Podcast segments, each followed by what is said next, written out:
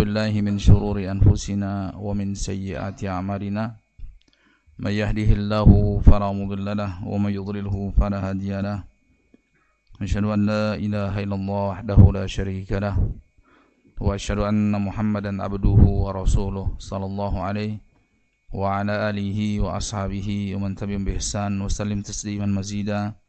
يقول تعالى بكتابه الكريم وأصدق القائلين أعوذ بالله من الشيطان الرجيم يا أيها الذين آمنوا اتقوا الله حق تقاته ولا تموتن إلا وأنتم مسلمون. يا أيها الناس اتقوا ربكم الذي خلقكم من نفس واحدة وخلق منها زوجها وبث منهما رجالا كثيرا ونساء. واتقوا الله الذي تساءلون به والأرحام إن الله كان عليكم رقيبا.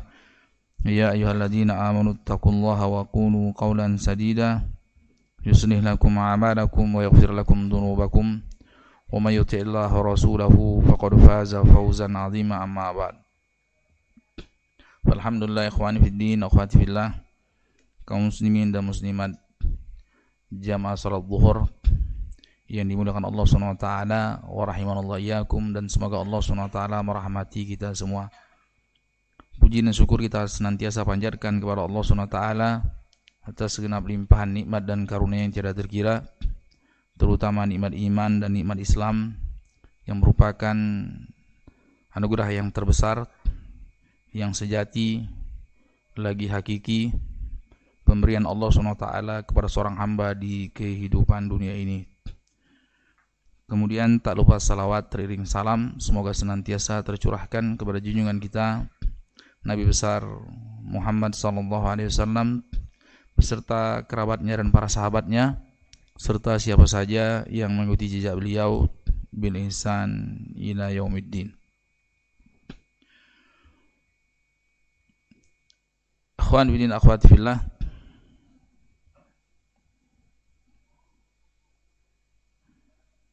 bahwasanya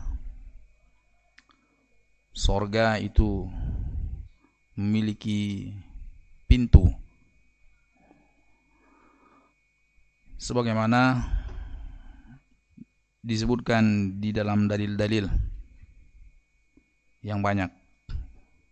Dan ada keterangan bahwasanya pintu-pintu tersebut ada pembukanya. Pembukanya adalah la ilaha illallah. Miftahul jannah adalah la ilaha illallah.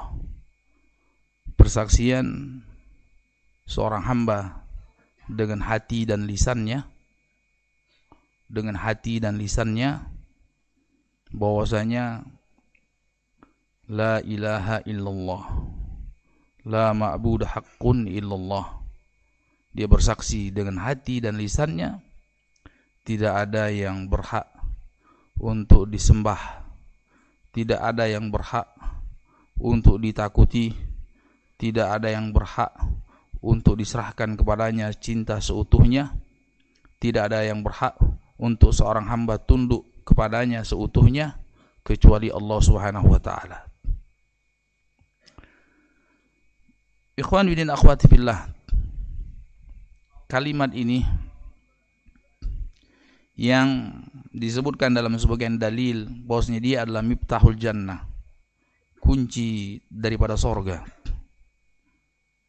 pembuka sorga pembuka sorga ini disebutkan oleh Syekhul Islam Nu'tiyya rahimahullah ta'ala betapa mulianya ini kalimat. Beliau sebutkan dalam perkataannya yang terkenal Fadailu hadhil kalimat wa haqa'iquha wa mawqi'uha minad din fawqa ma ya'riful 'arifun wa yasiful wasifun. Hakikat kalimat ini hakikatnya hakikat la ilaha illallah. Kemudian keutamaan-keutamaannya. Dia memiliki keutamaan-keutamaan. Dan kedudukannya di dalam agama Islam. Itu fauqa ma yasiful wasifun wa ya'riful arifun itu di atas atau lebih besar dan lebih luas dibandingkan apa yang telah dijabarkan oleh orang-orang yang berusaha menjabarkannya. Bahkan lebih luas, lebih dalam, dan lebih besar dibandingkan apa-apa yang diketahui oleh orang-orang yang berusaha untuk mengetahui dan memahaminya. Saya ulangi. Berkata Syekhul Islam Taimiyah rahimahullah taala. Fadailu hadil kalimat wa haqa'iqha wa mawqi'u min ad-din fawqa ma yasiful wasifun wa ya'riful arifun. Hakikat ya, hakikat hakikat kalimat ini keutamaan-keutamaannya ya dan kedudukannya dalam agama Islam tiga poin ini itu di atas atau lebih luas, lebih agung dibandingkan apa-apa yang telah dijabarkan oleh orang-orang yang menjabarkannya. Paham artinya? Artinya ada ulama, sekian banyak ulama yang berusaha untuk menjabarkan hakikat kalimat ini. Keutamaan-keutamaannya, derajatnya dalam agama Islam, apa yang mereka jabarkan itu terlalu kecil dibandingkan dengan hakikat yang Allah Subhanahu wa taala kehendaki dengannya. Bahkan bukan cuma dalam penjabaran dan penjelasan. Ya. Apa yang diketahui oleh orang-orang yang mengetahuinya. Jadi apa yang diketahui oleh ulama mulai dari zaman dahulu sampai zaman sekarang, mulai dari zaman sahabat sampai hari kiamat. Apa yang diketahui oleh ulama-ulama yang memahami tentang hakikat la ilaha illallah, ketahuilah apa yang mereka ketahui itu demikian kecil dibandingkan betapa luasnya makna yang dikandung, hakikat-hakikatnya, keutamaan-keutamaannya dan kedudukannya, derajatnya di dalam agama Islam. Ya. Ini menunjukkan bahwasanya la ilaha illallah itu sesuatu yang sangat dalam, sesuatu yang sangat besar, sesuatu yang sangat luas untuk seorang hamba habiskan seumur hidupnya dalam memahaminya dan mengamalkannya. Ya. Hakikat Islam secara keseluruhan itu kembali kepada la ilaha illallah. Intinya Islam, intinya iman kembali kepada la ilaha illallah. Makanya dikatakan miftahul jannah, kunci sorga kunci surga yang bisa membuka surga. Yang yang bisa membuka surga. Ya. Lalu bagaimana itu bisa terbuka? Bagaimana kita bisa membukanya? Bagaimana kita men bisa menjadikan la ilaha illallah itu sebagai sebab yang menjadikan pintu sorga terbuka dan dengannya Allah izinkan kita masuk ke dalam sorga Ya. Suatu kali diriwayatkan Imam Al-Sunnah wal Jamaah, imamnya para tabi'in. Ya, tabi'in itu orang yang berjumpa dengan sebagian sahabat Rasulullah SAW. Ya. Itu yang bernama Imam Al-Hasan Al-Basri. Ya, Imam Al-Hasan Al-Basri. Saking terkenalnya imam ini, sampai banyak sekali orang yang menamakan anaknya Hasan al Basri. Ya. Kalau nggak salah sudah ada beberapa gubernur itu Hasan al Basri. Basri itu al Basri itu dinisbahkan kepada kota Basrah namanya. Orang dari sana namanya al Basri, Hasan al Basri. Padahal dia dari Banjarmasin. Orang Indonesia katakan Hasan al Basri. Padahal dia dari Banjar. Ada yang dari Palembang tuh Hasan al Basri. Ya. Saking terkenalnya ini ulama. Keilmuannya, ketakwaannya, keluasan ilmunya. Imam Hasan Basri suatu saat menghadiri pemakaman seorang penyair yang sangat terkenal, ahli syair yang paling hebat di zamannya. Farzdak. Ya, Farzdak. Istrinya meninggal dunia. Lalu berkata Imam Al-Hasan Basri, "Mada a'datta li hadzal yawm?" A'datta li hadzal yawm? Wahai Farazdak, apa yang engkau telah persiapkan untuk menghadapi hari ini? Hari ini. Hari apa? Hari hari hari kematian dia menguburkan istrinya. Suasana berkabung, suasana yang sangat sakral. Orang yang selama ini dicintai dengan sepenuh hati, kemudian meninggal dunia. Mungkin sangat membuat seorang hamba terpukul.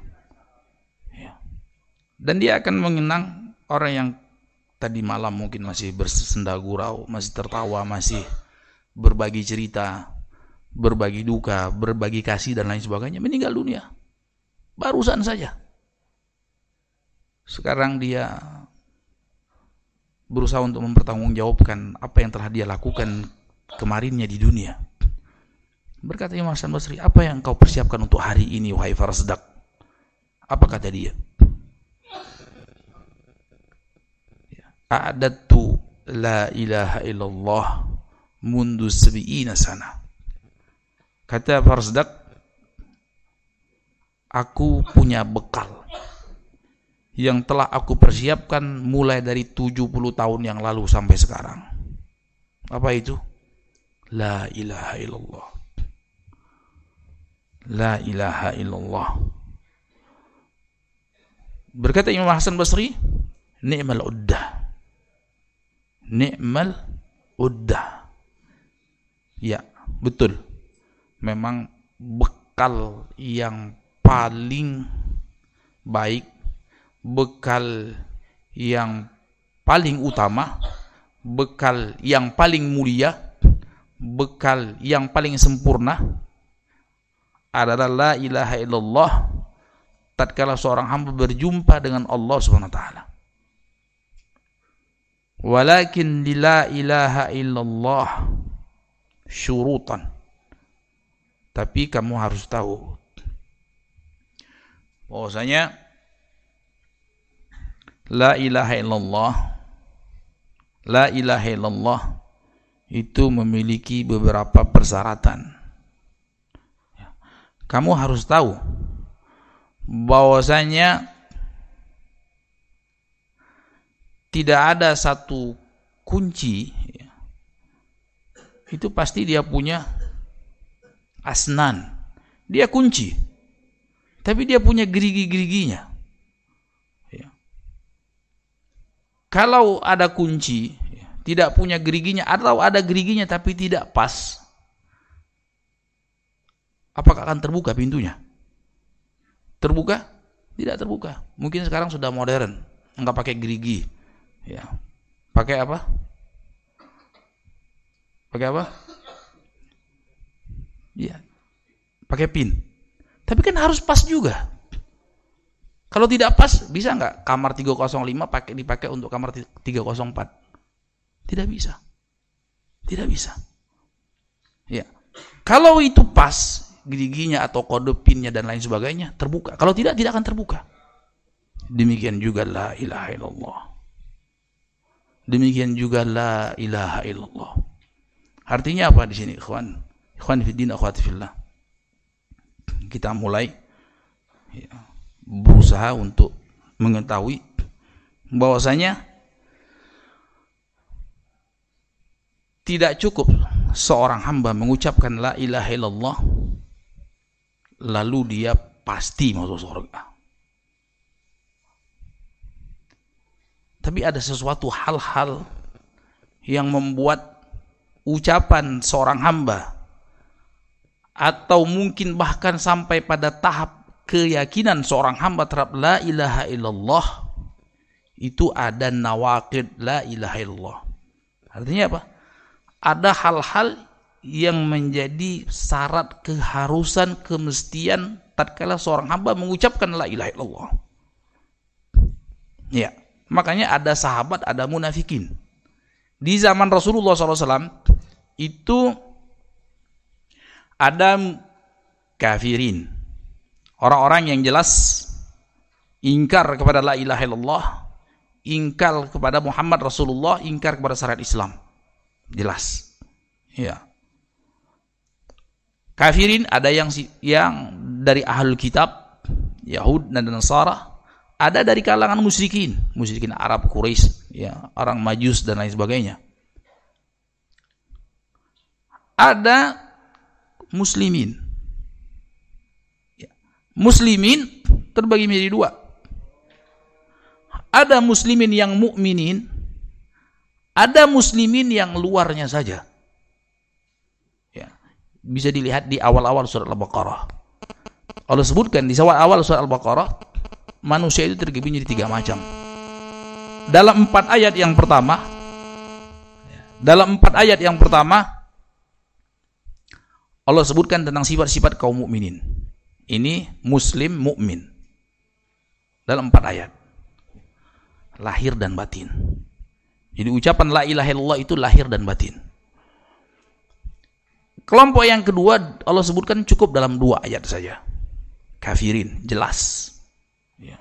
Kami tidak percaya Allah, kami tidak percaya dengan Muhammad, kami tidak percaya dengan syariat Muhammad, kami tidak percaya dengan la ilaha illallah. Kafirin. Allah sebutkan kelompok yang ketiga dalam 14 ayat. Luar biasa kan? Kaum ini cuma empat. Ya, mereka jelas. Kafirin cuma dua ayat, mereka juga jelas. Kelompok yang ketiga, 14 ayat. Orang yang mengucapkan la ilaha illallah Muhammad Rasulullah, ikut sholat, ikut haji, ikut puasa, bahkan ikut jihad bersama Rasulullah SAW. Ya, itu namanya munafikin. Sahabat di sorga paling atas, munafikin di neraka yang paling bawah.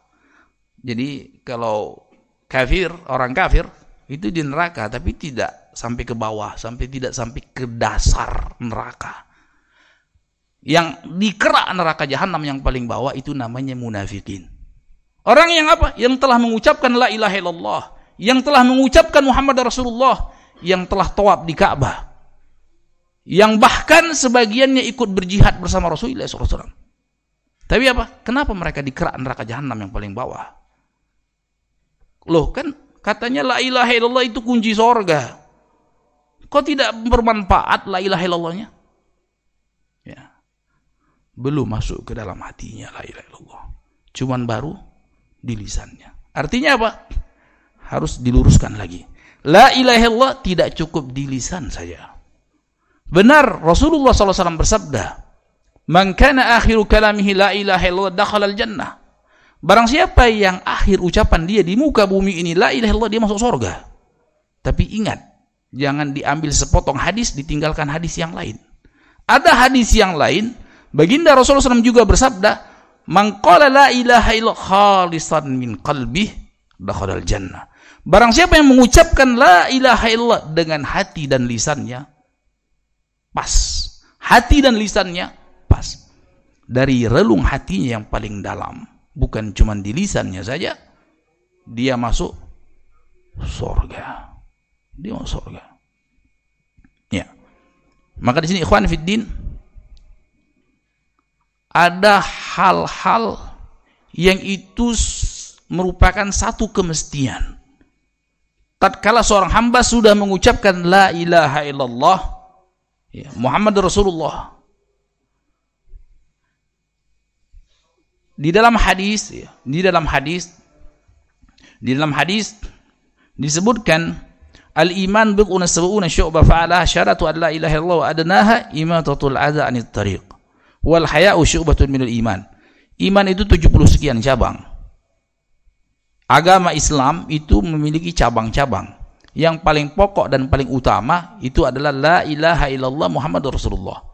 Seorang bersaksi dengan hati dan lisannya bahwasanya tiada zat yang berhak diibadahi dengan benar kecuali Allah dan bahwasanya Muhammad itu adalah utusan Allah itu yang paling tinggi. Yang paling pokok.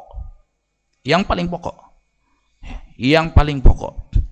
Hal yang paling prinsip ini, yang paling pokok ini, yang paling pokok ini ada satu kemestian.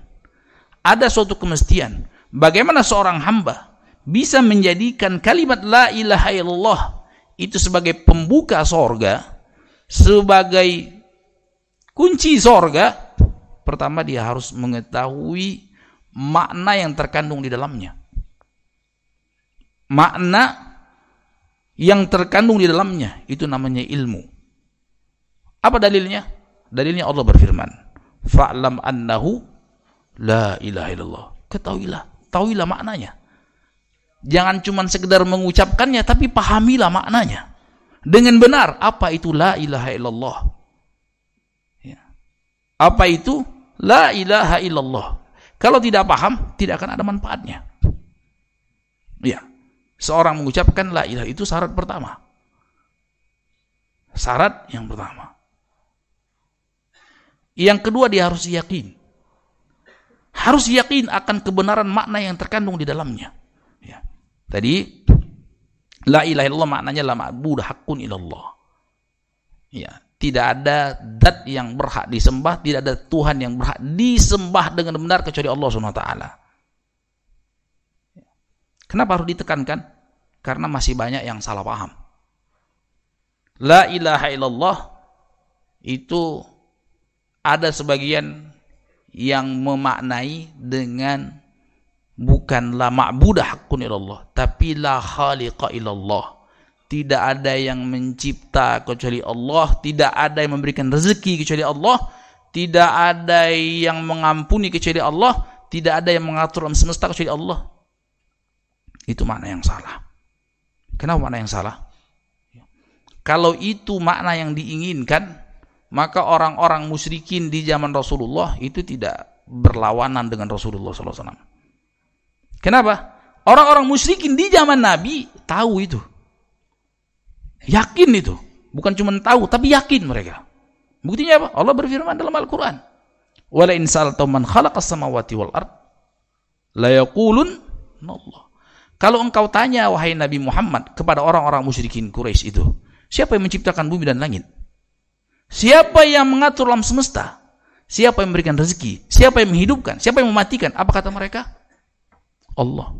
Kalau itu sekedar itu kita tidak ada perbedaan dong. Nabi Muhammad SAW dengan orang-orang musyrikin Quraisy tidak ada beda. Sama kok, sama-sama meyakini yang mencipta Allah, yang memberikan rezeki Allah, yang menghidupkan Allah, yang mematikan Allah. Sama kan? Sama Allah jelaskan sendiri dalam Al-Quran. Yakin mereka. Yakin. Tapi apa yang membedakannya? Yang membedakannya tatkala diajak untuk memurnikan peribadatan hanya untuk Allah, ini mereka pikir-pikir dan menolak. Wa idza qila lahum la ilaha illallah yastakbirun. Tatkala dikatakan kepada mereka, kata Allah, marilah mengucapkan la ilaha dan meyakini serta mengamalkannya bukan mengucapkannya saja. Meyakini dan mengamalkannya. Mereka enggan. Apa kata mereka? A'inna latariku li alihatina li syai' a'inna latariku alihatina li syai' majnun? Apa kata mereka? Itu jawaban mereka. Tatkala dikatakan kepada mereka, diajak marilah mengucapkan la ilaha dengan hati, lisan dan keyakinan serta mengamalkan konsekuensi-konsekuensinya. Apa kata mereka? Apakah kami akan meninggalkan ya, sembahan-sembahan kami selain Allah dikarenakan penyair yang gila ini?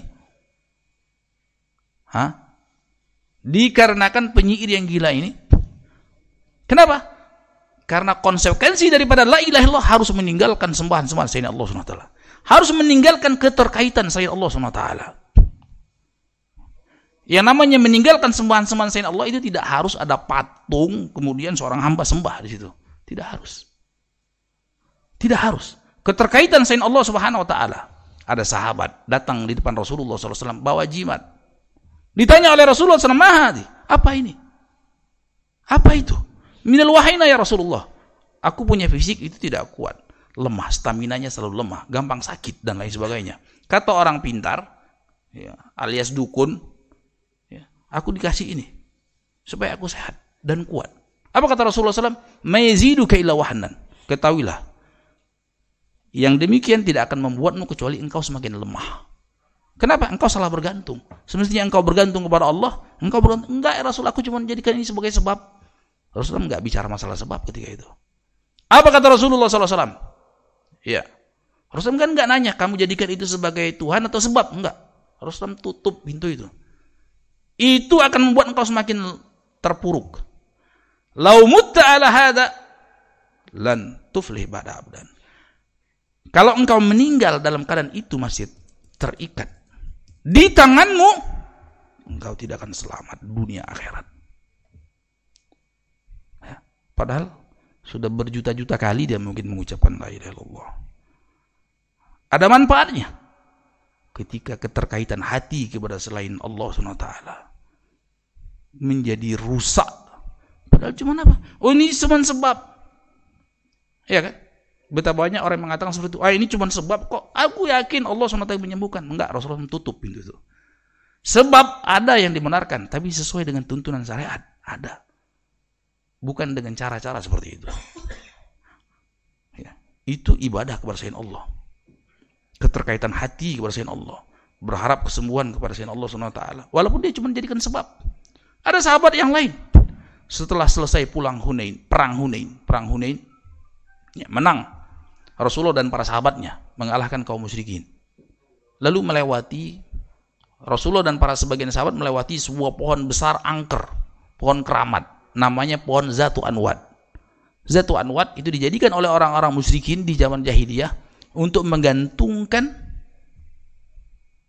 alat-alat perang mereka, pedang taruh di situ, panah taruh di situ, tombak taruh di situ. Supaya apa? Supaya ampuh mandraguna. Ya, supaya sakti mandraguna. Ya. Apa kata sebagian sahabat yang lewat itu? Ya Rasulullah, ija'al lana zata anwad kama lahum zata anwad. Ya Rasulullah, tolonglah buatkan kami, buatkan kita zatu anwad pohon itu, pohon yang keramat seperti itu supaya kita bisa gantung-gantungkan senjata kita di situ. Sebagaimana orang-orang musyrikin mereka punya zatu anwad. Apa kata Rasulullah? Takbir sekeras-kerasnya Rasulullah. Allahu Akbar, Allahu Akbar, Allahu Akbar. Ya. Inna hasanan. Wallati kultumu kama qalat Banu Israel li Musa. Marah besar Rasulullah SAW. Allahu Akbar, Allahu Akbar, Allahu Akbar. Apa yang kalian sebutkan barusan? Itu persis seperti apa yang telah disebutkan dan diminta oleh Bani Israel kepada Nabi Musa alaihissalam. Apa yang diucapkan Bani Israel kepada Nabi Musa? Apa yang diucapkan?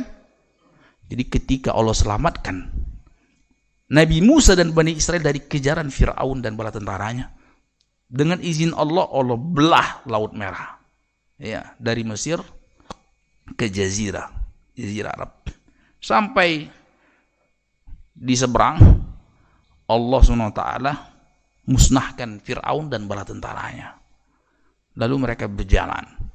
Bani Israel, Nabi Musa dan Bani Israel berjalan. Melewati suatu kampung.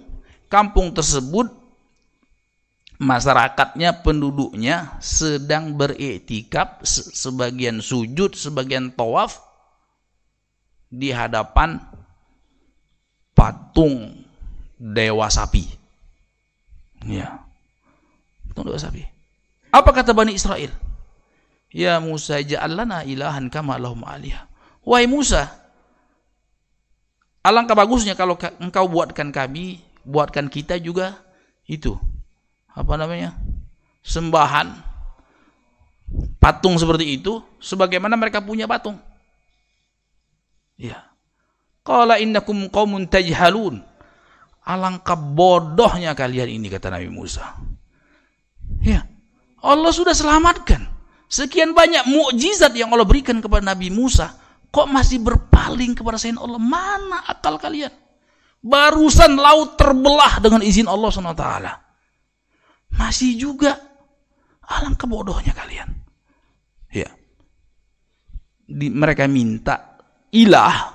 Ilah sembahan-sembahan walaupun cuma sekedar wasilah perantara-perantara selain Allah SWT untuk mendekatkan mereka kepada Allah SWT intinya seperti itu Rasulullah SAW pakai ayat tadi ya, untuk menghukumi perkataan sahabat tadi. Dipikir-pikir, sepertinya nggak sama. Ya, ada Nabi Musa itu di zaman Nabi Musa, kaum Nabi Musa, Bani Israel itu minta dijadikan patung sembahan, ya, dewa sapi, ya, sebagai perantara untuk mendekatkan mereka kepada Allah. Ini sahabat cuman minta dibuatkan zatu anwat untuk apa? Nempelin senjata. Kami yakin ya ya Rasulullah bahwasanya yang memberikan kekuatan pada senjata itu Allah, tapi ini cuman sebab. Cuman sebab saja. Tapi Rasulullah SAW samakan. Rasulullah SAW samakan kalian telah menjadikan sembahan selain Allah SWT. Kenapa? Ada keterkaitan hati, ketergantungan hati kepada hal yang salah. Semestinya kalian gantungkan asa dan harapan kalian, kekuatan kalian kepada Allah. Ini kepada pohon. Keramat. Ya. Coba. Dianggap oleh Rasulullah SAW itu membatalkan la ilaha illallah. Ya. ya. Ngeri tidak? Betapa banyak orang yang masih yakin masih memandikan benda-benda pusaka. Dengan memandikan benda-benda pusaka, Jangan bukan sekedar benda pusakanya, airnya jadi berkah. Airnya jadi berkah supaya tambah sehat, supaya rezekinya tambah lancar, supaya gampang jodoh, supaya gampang dapat keturunan. Lebih parah. Ya, pernah tidak dengar ada sapi yang dikeramatkan kalau sapi tersebut dilepas dia buang kotoran, kotorannya berbut. Untuk apa? Pelarisan tokonya lari. Pernah tidak? Ada dengar ini? Ada. Ya. Ada. Coba lihat. Bedanya apa? Enggak ada bedanya. Bahkan mungkin lebih parah. Ya. Ikhwan fiddin wa akhwati fillah. Rasulullah SAW bersabda, "Man dzabah li faqad asrak." Barang siapa yang menyembelih berharap kemaslahatan, berharap kemanfaatan, dalam rangka juga menolak kemadorotan, maka dia telah musyrik. Betapa banyak ya, yang menyembelih supaya Nyi Rokidul tidak marah. Banyak tidak? Apa kata Rasulullah? Telah musyrik. Ada manfaatnya la ilaha illallahnya. La ilaha illallah ada konsekuensi-konsekuensinya. Ada wujud-wujud pengamalannya. Tidak cuma sekedar la ilaha illallah sudah terserah. Pokoknya saya sudah ngucapin la ilaha illallah. Pasti mau surga siapa bilang? Sekian banyak dalil-dalil yang lain yang menunjukkan la ilallah bukan cuma di lisan saja tapi butuh pengetahuan tentangnya. Ya dan itu tidak sekali dua kali. Jadi ingat perkataan Syekhul Islam hakikat la ilaha illallah keutamaannya kedudukannya dalam Islam itu jauh di atas apa yang telah dijabarkan para ulama dalam penjabarannya, bahkan apa yang telah mereka ketahuinya. Artinya, ulama semuanya bersatu untuk memahami hakikat la ilaha secara keseluruhan. Nggak sanggup. Itu ulama, apalagi kita. Ya, butuh pengamalan, butuh cinta, butuh keyakinan, butuh kemantapan hati. Ya. Ini yang berkaitan dengan la ilaha illallah. Ya. Ikhwan fiddin akhwat. Saya bawakan satu kisah lagi. Ini yang betul-betul bisa membuat kita terpacu untuk memahami hakikat ini. Ada seorang ulama besar, mungkin paling alim di zamannya. Syekhul Islam Muhammad Wahab jadi rahimahullah taala. Tiap hari diajarkan tauhid, tauhid, tauhid, tauhid, tauhid. Apa kata murid-murid seniornya? Al-Imam Tauhid fahimnah. Wahai Imam, Tauhid terakhir, Tauhid lagi, Tauhid lagi. Kami sudah paham Tauhid. Kami pingin yang lain. Pingin fikih, pingin waris, pingin macam-macam kan banyak. Ada ilmu hadis, ada ilmu ini. Tauhid fahimnah. Tertegun imam tersebut.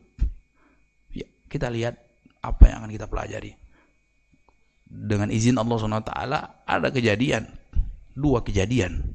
Kejadian yang pertama, Kejadian yang pertama ada seorang tetangga masjid itu pindah rumah rumahnya angker. Ya, rumahnya angker, ada penunggunya, ada jinnya. Kata orang pintar, ya.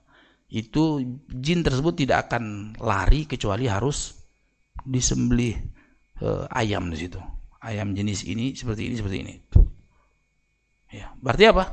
Ada unsur pengagungan kepada selain Allah SWT. Menyembelih untuk selain Allah. Membuat dia ridho. Apa hukumnya? Syirik. Syirik. Bagaimana menurut kalian? Ya jelas syirik. Syirik. Ya, nggak ada yang salah kan? Cuman tanya apa hukumnya? Ya syirik. Kasus kedua. Ya, tidak berapa lama selisihnya. Ada seorang anak durhaka menzinahi ibunya. Allah Akbar, heboh langsung. Heboh kan? Berzina aja itu sudah dosa besar, apalagi ini ibunya yang dia zinai. Panas murid-muridnya. Wah, heboh. Ya, apa kata imam?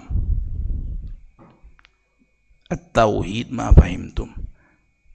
Kalau begitu kalian belum betul-betul paham tauhid. Belum betul-betul paham tauhid. Artinya tauhid bukan cuma sekedar satu tambah satu dua, dua tambah dua empat, empat tambah empat delapan, bukan sekedar itu. Tapi mana? Mana tauhid tersebut dalam hati kalian? Tauhid itu adalah haknya Allah swt.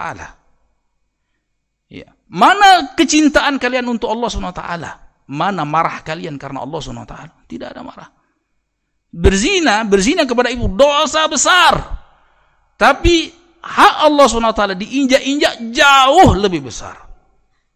Semestinya apa? Seorang harus menjadikan Allah lebih dia cintai daripada orang tuanya, daripada dirinya sendiri sekalipun. Semestinya apa? Dia harus lebih marah, dia harus lebih cemburu, dia harus lebih terbakar tatkala hak Allah SWT diinjak-injak. Ya. Kira-kira di negara mana ya ada yang melegalkan seorang anak menzinai ibunya? Ada nggak? Nggak ada. Tidak ada. Semua orang pasti kecam. Ya. Semua orang pasti kecam. Tapi menyembelih untuk selain Allah SWT menyembelih untuk selain Allah SWT berharap keselamatan dan menolak bala ya bahkan dilestarikan. Apa tidak menakutkan ini? Hak Allah diinjak-injak kita tidak tersinggung. Kita tidak marah. Mana la ilaha? La ilaha illallah itu syarat, salah satu syaratnya adalah mahabbah. Harus betul-betul terhujam kecintaan kita kepada la ilaha illallah. Jangan-jangan mahabbah tersebut tidak ada di hati kita. Sehingga apa? Sehingga kita dengar berita-berita kesyirikan flat saja. Datar saja. Nauzubillah. Nah, kalau kita baru marah dengan hal-hal yang berkaitan dengan hak-hak makhluk yang dihujat, hak-hak makhluk yang dilecehkan, kita baru marah. Tapi hak Allah SWT diinjak-injak, kita tidak pernah marah. Mana iman kita? Mana la ilaha illallahnya? Ya, maka ikhwan fiddin, kita bertobat kepada Allah SWT atas hal-hal yang berlalu begitu saja, tapi ternyata cinta kita, benci kita karena Allah Subhanahu taala yang itu justru intinya keimanan. Rasulullah SAW bersabda, autaku ural iman tali keimanan yang paling kuat. Al hubbu fillah wal buru fillah cinta karena Allah benci karena Allah subhanahu wa taala. Cinta karena Allah marah juga karena Allah subhanahu wa taala. Ini harus dipupuk dan ditanam. Jangan sampai hilang di hati kita. Tatkala hilang di hati kita kunci surga tidak terbuka. Pintu surga tidak terbuka. Ya. Waliyadzubillah wabillahi taufik wa sallallahu nabiyina Muhammad wa ala alihi wa sahbihi wasallam walhamdulillahi rabbil alamin. سبحانك الله وبحمدك أشهد أن لا إله إلا أنت أستغفرك وأتوب إليك والسلام عليكم ورحمة الله وبركاته